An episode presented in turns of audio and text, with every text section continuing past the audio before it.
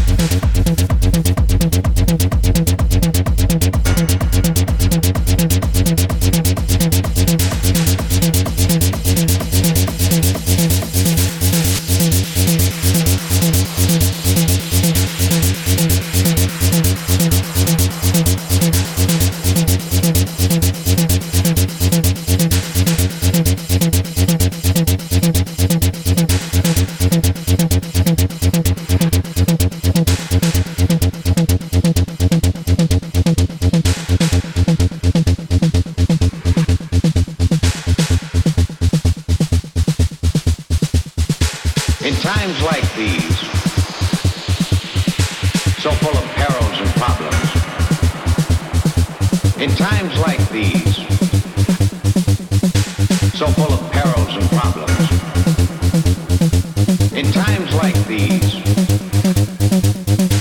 so full of perils and